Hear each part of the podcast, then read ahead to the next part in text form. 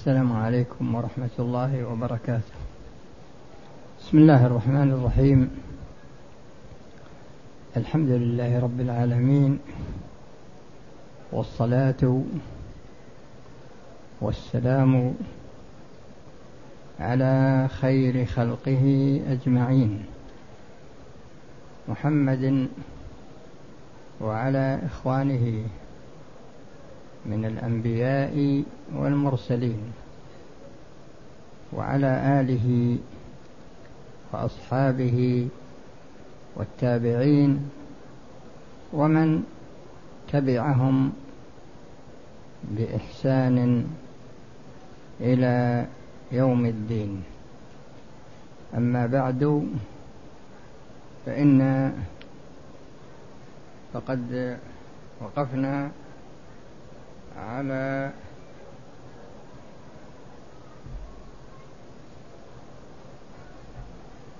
قاعدة الثامنة عشرة من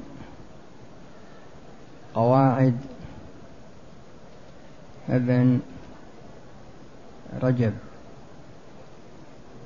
ونص هذه القاعدة إذا اجتمعت عبادتان من جنس في وقت واحد ليست إحداهما مفعولة على جهة القضاء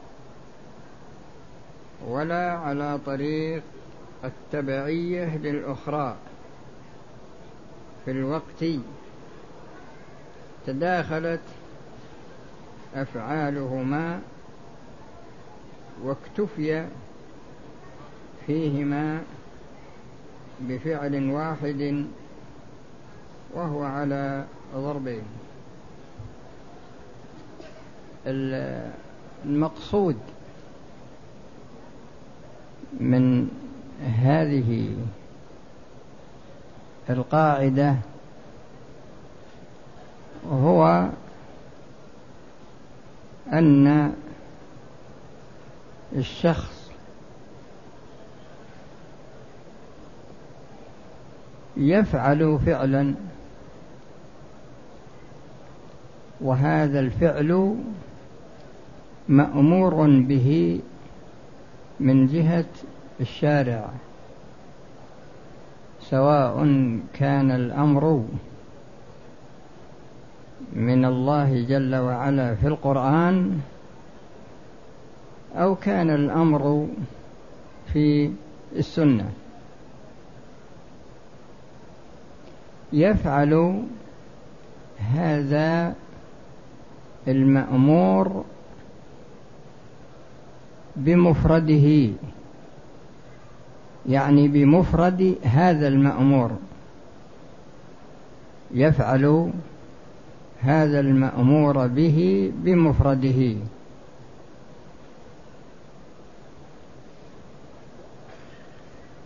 وهذا ليس بمقصود في هذه القاعدة. فالشخص عندما يصلي الراتبة. راتبة الظهر راتبة المغرب راتبة العشاء راتبة الفجر. يصليها بمفردها.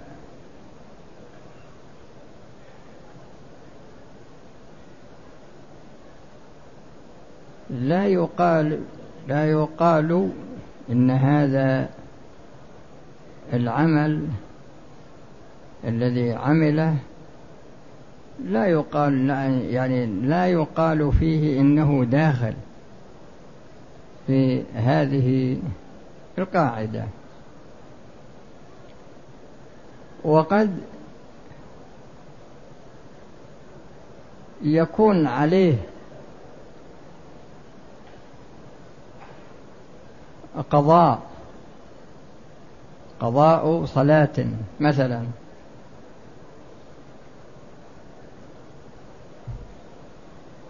فإذا كان عليه قضاء مثلا إنسان بيصلي الظهر وعليه قضاء صلاة ظهر ولا عليه قضاء صلاة فجر ودخل المسجد. ويريد حينما يصلي الظهر أداء عليه صلاة ظهر قضاء من أمس ويريد أن يصلي صلاة واحدة. تكفيه عن الصلاتين هذا أيضا ليس بمقصود في هذه القاعدة. ليس بمقصود في هذه القاعدة. وهكذا ما فعل على سبيل التبعية لفريضة من الفرائض فهذه كلها ليست بمقصودة. لكن إنسان دخل المسجد إنسان دخل المسجد ووجد أن الصلاة مقامة. قوله صلى الله عليه وسلم إذا دخل أحدكم المسجد فلا يجلس حتى يصلي ركعتين. حتى يصلي ركعتين. هذا فيه بيان مشروعية صلاة الركعتين تحية المسجد إذا دخل في أي وقت وفي أي حال. لكن حديث إذا أقيمت الصلاة فلا صلاة إلا المكتوبة فهو عندما يدخل المسجد ويجد الإمام قد كبر تكبيرة الإحرام يدخل معه على نية الفرض وتسقط عنه تسقط عنه تحية المسجد. وتسقط عنه تحية المسجد.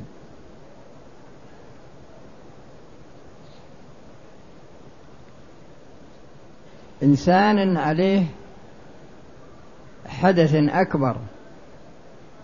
يعني يوجب غسلا مثل الجنابة ومثل الحيض بالنسبة للمرأة ومثل النفاس. هذا الحدث الأكبر لازم منه الحدث الأصغر أيضا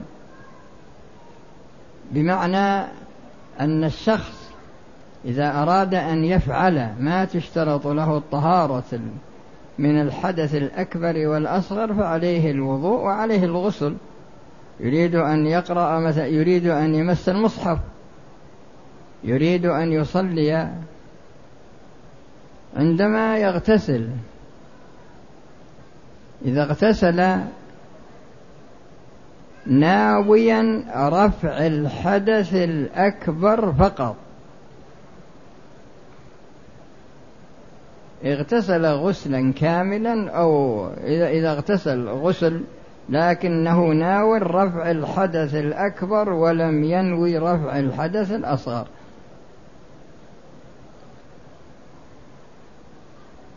أو أنه توضأ أولا ثم اغتسل ثانيا أو أنه اغتسل غسلا واحدا لكنه رتب هذا الغسل على ترتيب الوضوء.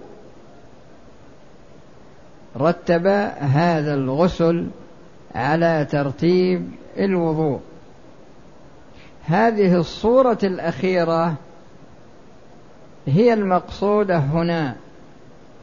فنوى رفع الحدث الأكبر والأصغر في غسل واحد مرتب على ترتيب الوضوء. في هذه الحالة يدخل الحدث تدخل طهارة الحدث الأصغر في طهارة الحدث الأكبر. وهذا ما يسمى بالتداخل. وفيه فروع كثيرة في الشريعة. يعني فروع وفي كتاب مؤلف في اسمه التداخل أيضا وموجود من أراد أن يشتريه من السوق هو موجود وله كبير لكنه كتاب جيد في موضوعه لأن هذا من أهم المسائل التي تعترض لطالب العلم سواء اعترضت له في فعله هو أو أنه سئل عنها أو أنه يعلم في مرحلة تستدعي التعرض لمثل هذا الموضوع لأن مراحل التعليم مختلفة. هذه القاعدة التي ذكرتها لكم وهذين المثالين اللذين ذكرتهما الأول يمثل قسما من هذه القاعدة والثاني يمثل القسم الآخر وفيه أمثلة في نفس الكتاب من أراد الرجوع إليها فليرجع. القاعدة التي بعدها وهي القاعدة التاسعة عشرة.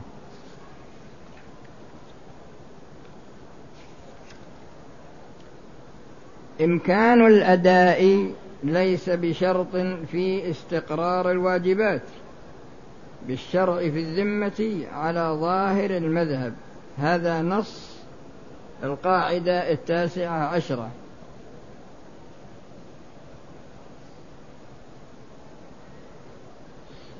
الله سبحانه وتعالى يأمر بالشيء. تارة يأمر به ويكون المأمور به له وقت محدد له بداية وله نهاية. وتارة يكون هذا الوقت مضيقا. وتارة يكون موسعا. وتارة يكون مضيقا من وجه وموسعا من وجه. هذه هي أقسام الوقت. فإذا نظرنا إلى الصلوات الخمس وجدنا أن جبريل عليه السلام صلى بالرسول صلى الله عليه وسلم الظهر في أول وقتها والعصر في أول وقتها والمغرب في أول وقتها والعشاء في أول وقتها والفجر في أول وقتها. وفي اليوم الثاني صلى به الظهر في آخر وقتها والعصر في آخر وقتها. والمغرب كذلك والعشاء كذلك والفجر كذلك.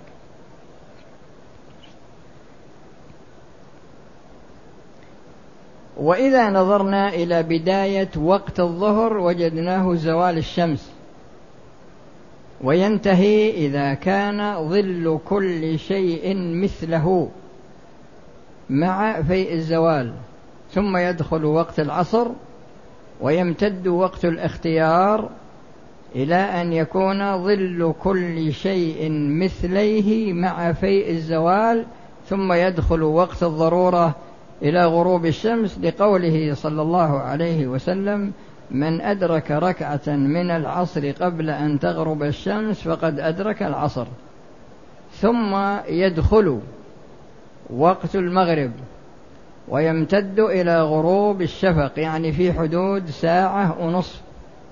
ثم يدخل وقت العشاء ويمتد إلى نصف الليل. هذا وقت الاختيار ووقت الضرورة إلى طلوع الفجر ثم يدخل وقت الفجر إلى طلوع الشمس. لقوله صلى الله عليه وسلم من أدرك ركعة من الفجر قبل أن تطلع الشمس فقد أدرك الفجر. وإذا نظرنا إلى رمضان وجدنا أن وقته مضيق. وإذا نظرنا إلى الحج وجدنا أن وقته مضيق من وجه وموسع من وجه آخر. فالحج لا لا يجوز إلا في السنة مرة واحدة. لكن إذا نظرنا إلى بعض الأمور المتعلقة بالحج مثل طواف الإفاضة مثلا هذا ركن من أركان الحج. وجدنا أيضا أن الشخص يأتي به مثلا بعد انتهاء أعمال الحج. مثلا يأتي به مثلا في خمسة عشر ذي الحجة في عشرين في آخر شهر ذي الحجة. المقصود أنه موسع من وجه ومضيق من وجه بمعنى أن الشخص ما يحج. مثلا ما يحج مثلا في السنة مرتين. ما يحج في السنة مرتين.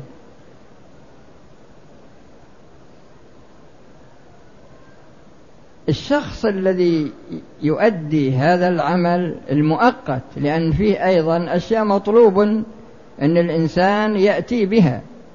مثل زكاة مثل زكاة المال. هي من حيث الأصل هي واجبة على الفور. لكن لو تأخر فيما بعد لا بد أن يأتي بها وتكون أداء ما تكون قضاء. تكون أداء ولا تكون قضاء. هذه العبادة تارة يتمكن الشخص من فعلها في وقتها. تارة يتمكن من فعلها في وقتها.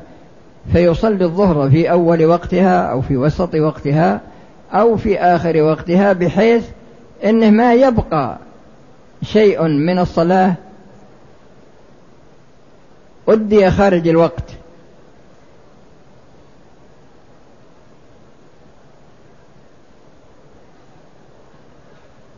بالنسبة لرمضان يؤديه في وقته أيضا. يصوم رمضان في وقته. فهذا يسمى إمكان الأداء. يعني تتمكن من أداء الشيء المشروع في وقته المحدد شرعا. تؤدي الشيء المشروع في وقته المحدد شرعا. هذا ما في إشكال. لكن هل إمكان الأداء في الوقت شرط في الوجوب في الذمة؟ أم أنه ليس بشرط؟ هذه القاعدة هي موضوعة لهذا الغرض. فمثلا المرأة إذا حاضت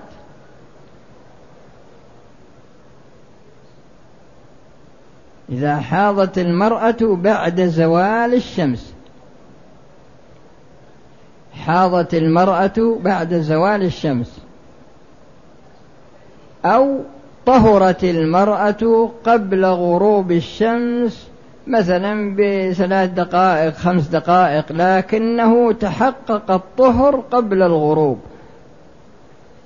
حاضت بعد غروب الشمس بقليل. طهرت قبل طلوع الفجر بقليل. إذا نظرنا إلى الوقت الذي طهرت فيه في الحالة الثانية والوقت الذي حاضت فيه في الحالة الأولى. فعندما حاضت بعد زوال الشمس بقليل حاضت بعد غروب الشمس بقليل إذا طهرت نقول لها تصلين الظهر والعصر لأن العصر يجمع مع الظهر وإمكان الأداء ليس بشرط. إمكان الأداء ليس بشرط. وإذا طهرت قبل غروب الشمس أو طهرت قبل طلوع الفجر بقليل نقول إنها تصلي المغرب والعشاء. نقول إنها تصلي المغرب والعشاء لأن المغرب يجمع مع العشاء جمع تأخير وفي الحالة الأولى يجمع جمع تقديم وكذلك الظهر مع العصر يجمع جمع تقديم ويجمع جمع تأخير. إذا طبقنا هذه القاعدة على هذين المثالين يتبين أن إمكان الأداء ليس بشرط في الوجوب في الذمة فيجب الشيء في الذمة مع أن الشخص لا يتمكن من الأداء في تلك اللحظة. إنسان مثال آخر إنسان وجد الماء لكن متى في آخر وقت الفريضة. في آخر وقت الفريضة. إن جلس يتوضأ خرج الوقت. إن جلس يتوضأ ولنفرض مثلا إن عليه غسل وكان عادم للماء لكن وجده في آخر الوقت وهو بين أمرين إما أن يتوضأ إما أن يتوضأ ويغتسل ويصلي خارج الوقت أو نقول له تيمم وصلي في الوقت. لكن إذا طبقنا هذه القاعدة على هذه الصورة فإننا نقول له اغتسل توضأ وصلي ولو خرج الوقت لأن إمكان الأداء ليس بشرط. لأن إمكان الأداء ليس بشرط. وهكذا هذه القاعدة لها فروع كثيرة في الفقه. في باب في باب الطهارة وفي باب الصلاة وهكذا في سائر أبواب الفقه. و ونكتفي بهاتين القاعدتين ونأخذ الكتاب الآخر و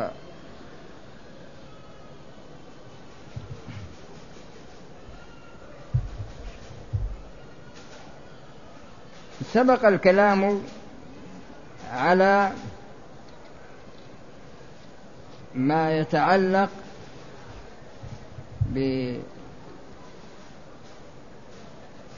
بمعنى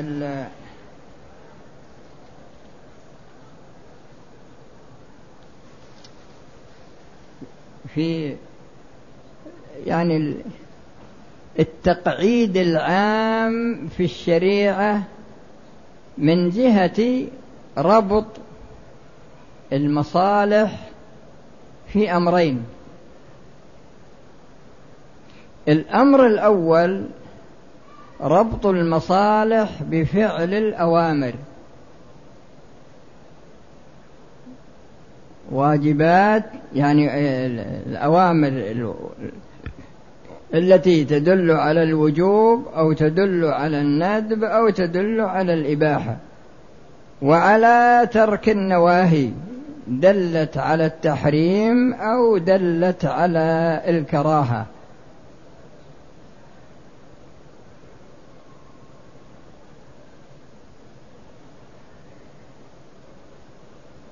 هذا هو طريق المصالح في الشريعة.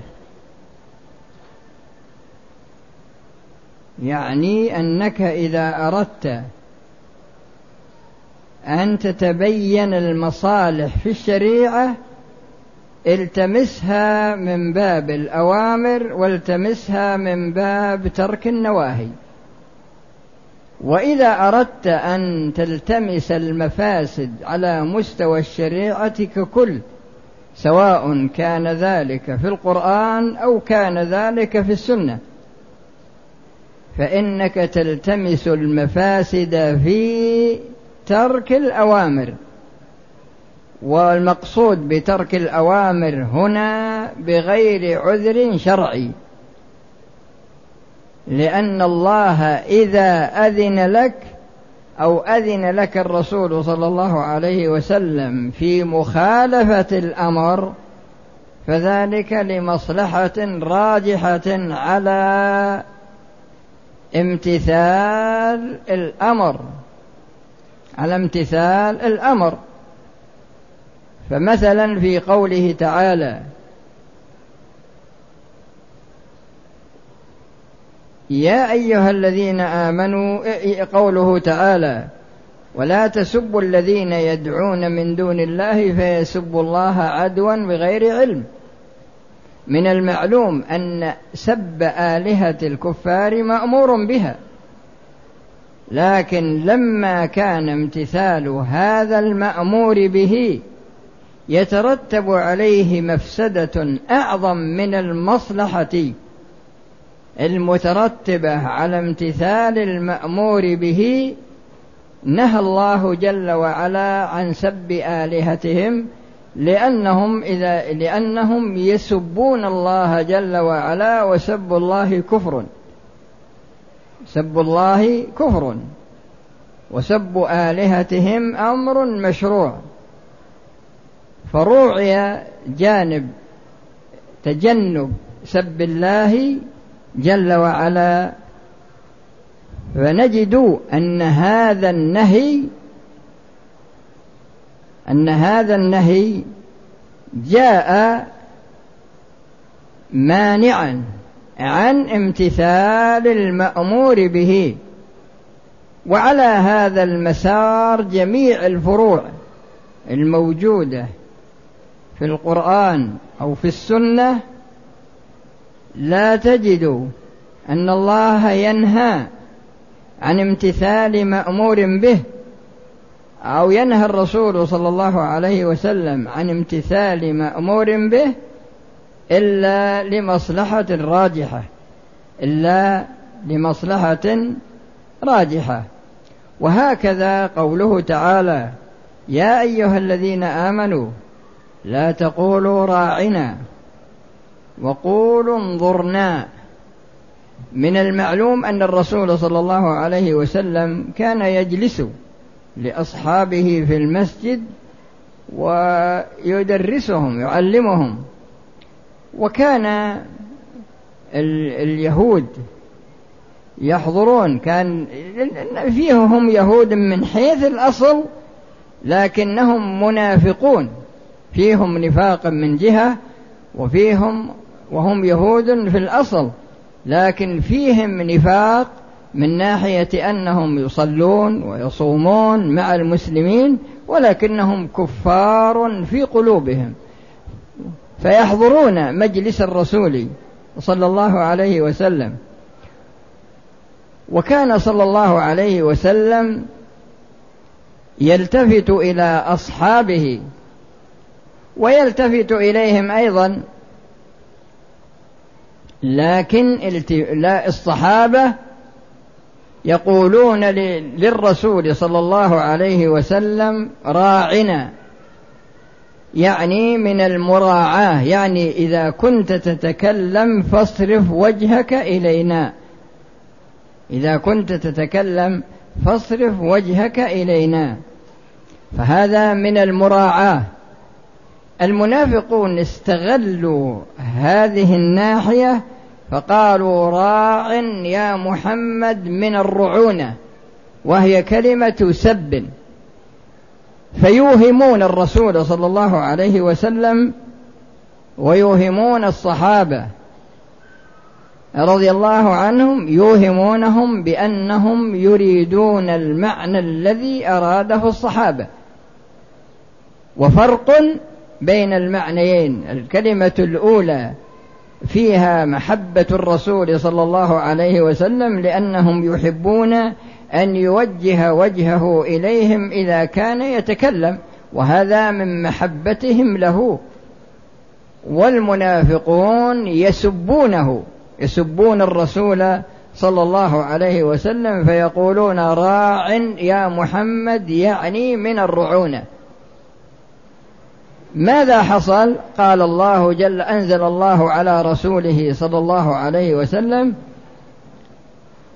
يرشد بذلك الصحابة رضي الله عنهم يعني المؤمنون ظاهرا وباطنا. فقال يا أيها الذين آمنوا لا تقولوا راعنا وقولوا انظرنا. يعني اتركوا الكلمة المحتملة للمعنى الفاسد والمعنى الصحيح. يعني على حسب القصد. اتركوها واستبدلوها بلفظ لا يحتمل إلا معنى واحدا. فهذا استثناء. هذا فيه بيان لأن راعنا ما فيها شيء. لكن لما كانت لما كانت مدخل للإتيان بكلمة يعني قد يفهم منها المعنى الصحيح وقد يفهم منها المعنى الفاسد مع أن المقصود بها من قائلها المعنى الفاسد. نهاهم الله عن ذلك. وهذا كثير في القرآن وكثير في السنة. هذا الاستثناء من قاعدة الأمر وهكذا الاستثناء من قاعدة النهي. الاستثناء أيضا من قاعدة النهي نفس الشيء يجري فيه الكلام الذي يجري في الاستثناء من قاعدة النهي. هذا كله يعني سبق الكلام عليه. وسبق الكلام أيضا على لأن هذا الم...